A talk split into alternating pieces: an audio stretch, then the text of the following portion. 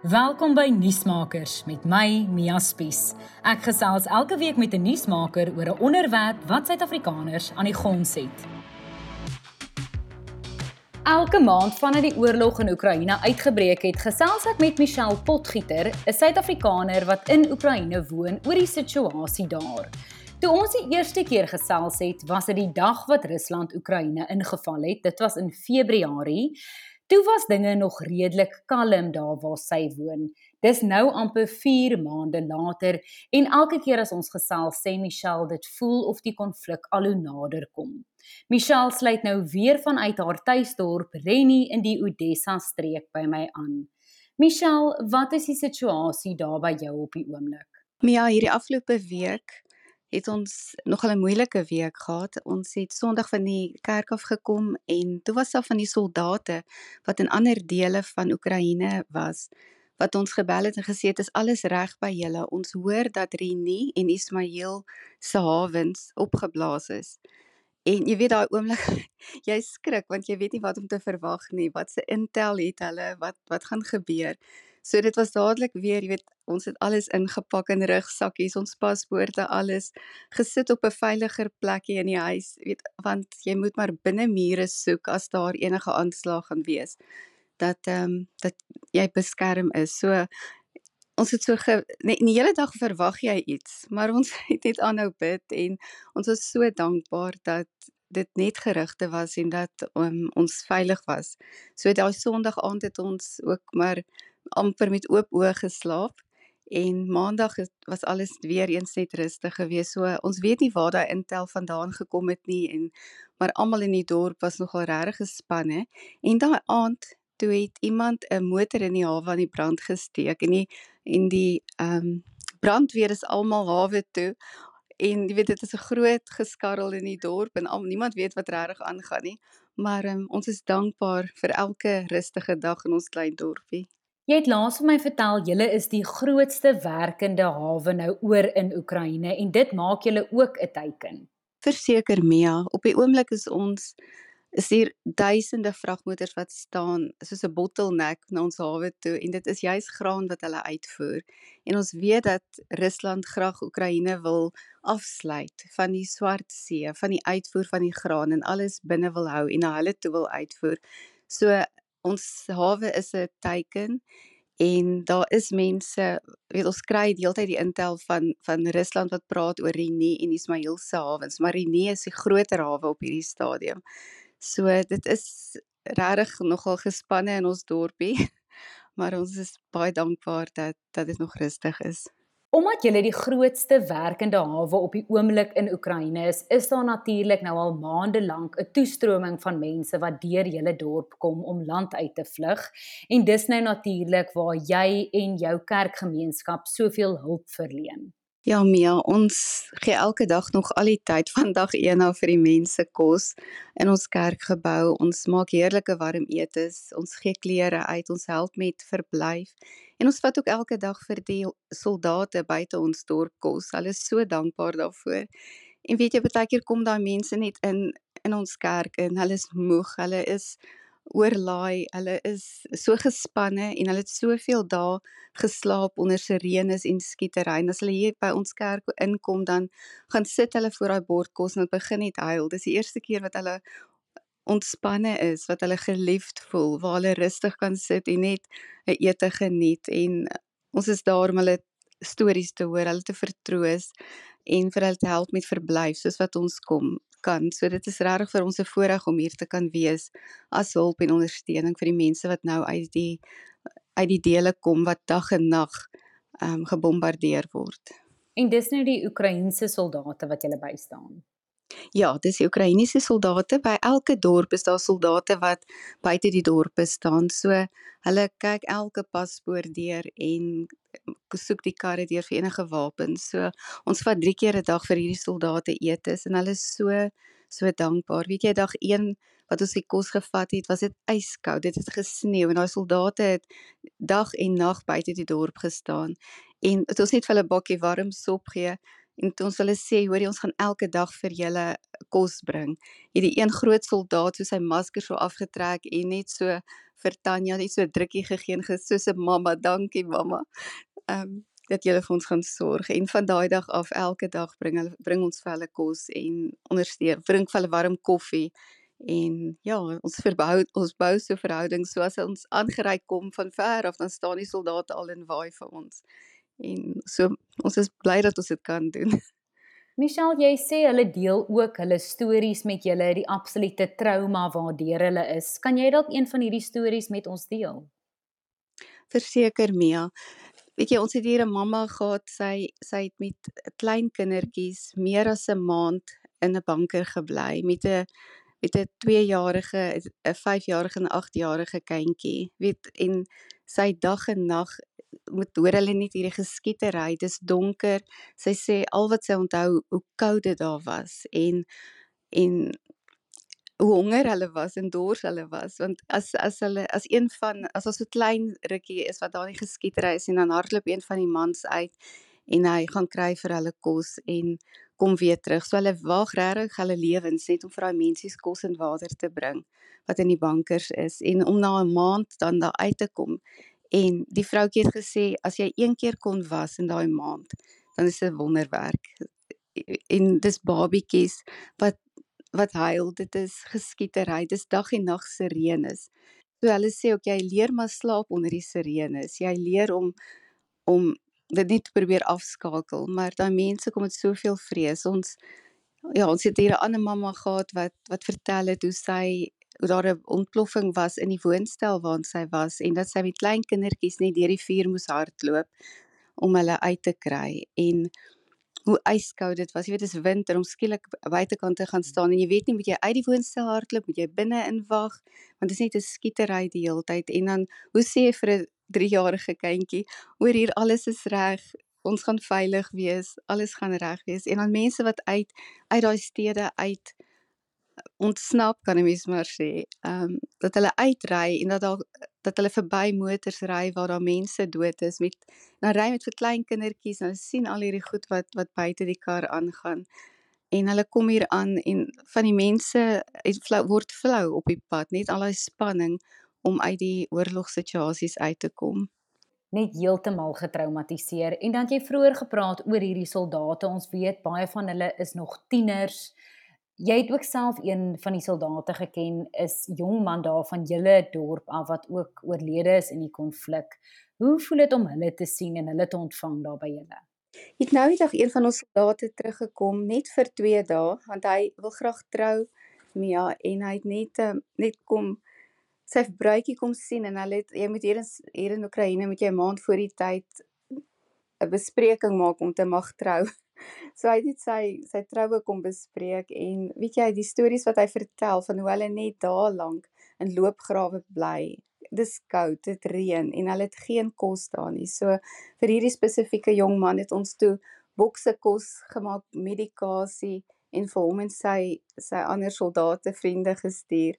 En hulle was so dankbaar daarvoor. Hulle was so bly want hulle sê hulle het geld, maar die winkels is leeg. Daar's niks om te koop nie en eenvoudige goed soos tee of of brood is moeilik om te bekom. So ons is dankbaar dat ons hulle so kan help en hier's 'n ander soldaat van ons dorpie van Renie wat op die Snake Island was. En toe dit deur die Russe oorgevat is en hulle hele groepie is op die oomblik al die soldate is in Rusland ergens en sy meisie is van Renie en niemand weet wat van hierdie jong manne geword het nie.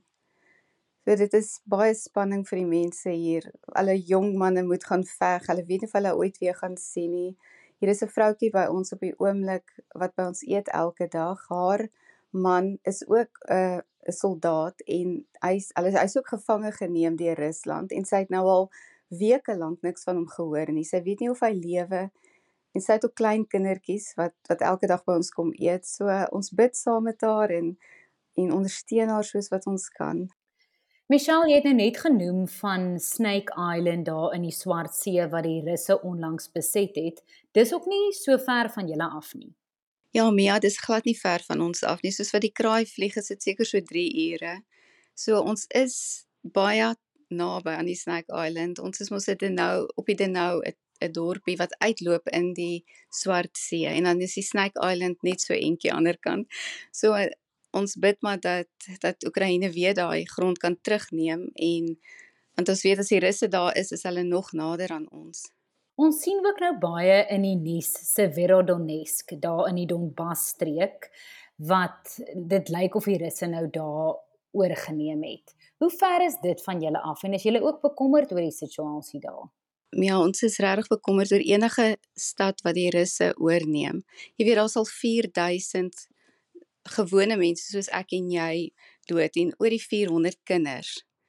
En elke stad wat oorgeneem word, elke stad wat die Russe kry, hulle sny af en hulle vat net daai grondgebied. So die Oekraïners veg dag en nag om hulle grondgebied terug te vat. So baie keer sê hulle dat dat die Oekraïners 70% het van die stad en dan hulle weer 30% van die stad en dan volgende dag so dit gaan heen en weer soos wat hulle veg vir hierdie stede.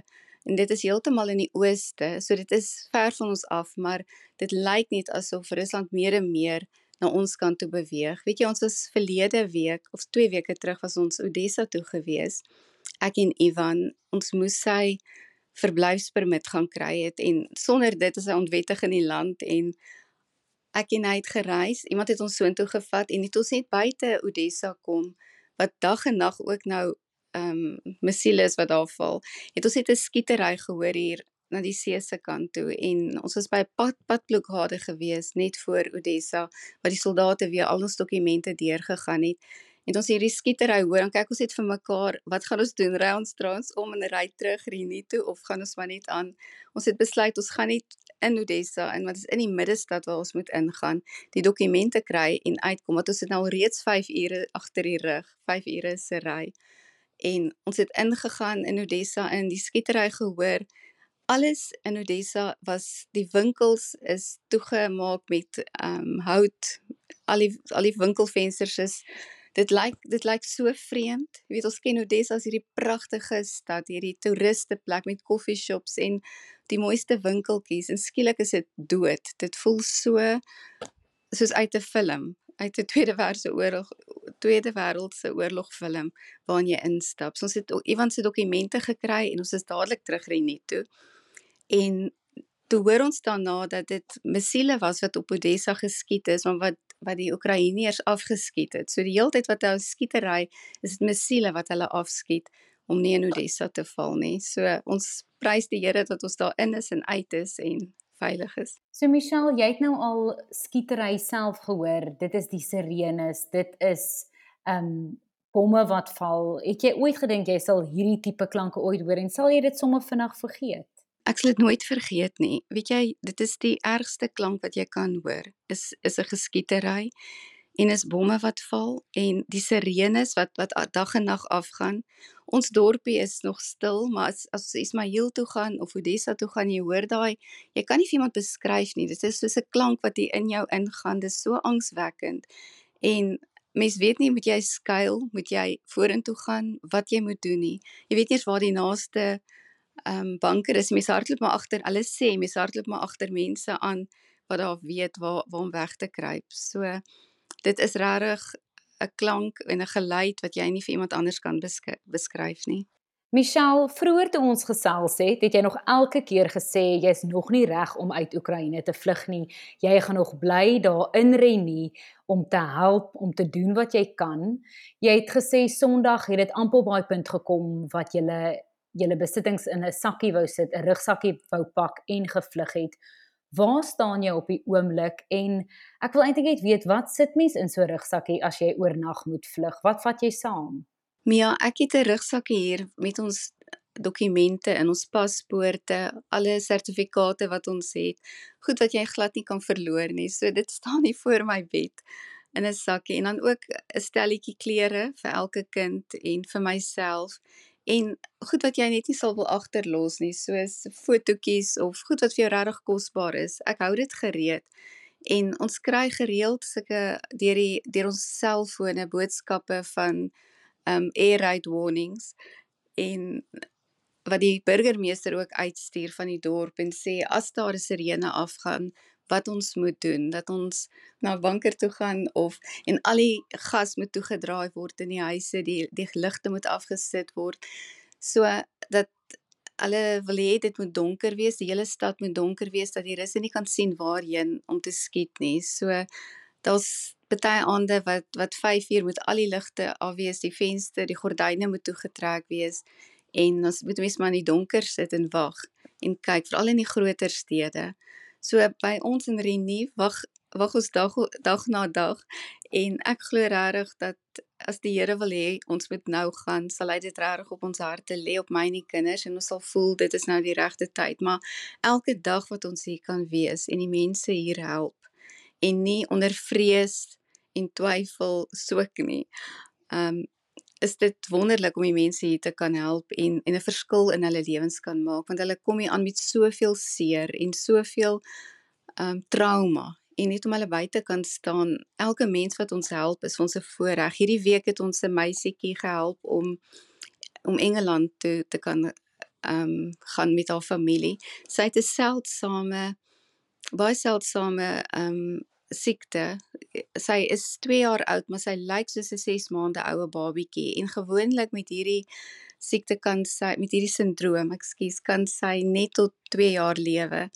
So ek kon help om vir haar 'n plekkie te kry in Engeland waar sy behandeling kon kry deur vriende wat ons daar ken. Net hierdie kontakte wat 'n mens het om mense te help om hulle uit die land uit te kry, om hulle te help om by goeie dokters uit te kom of by mense wat in die, in Europa of in ander lande net vir hulle kan huisves totdat die oorlog verby is. So ek voel net dat ons soos 'n soos 'n poort is om mense te help om om na veilige plekke toe te gaan, veral mense met klein kindertjies en om net 'n veilige hawe te wees. So as dit jou vraag beantwoord, ek wil hier wees tot op die laaste dag, maar ek glo dat die Here duidelik vir my en my kinders sal wys nou is die dag om te gaan dat ons moet oppak en gereed moet wees.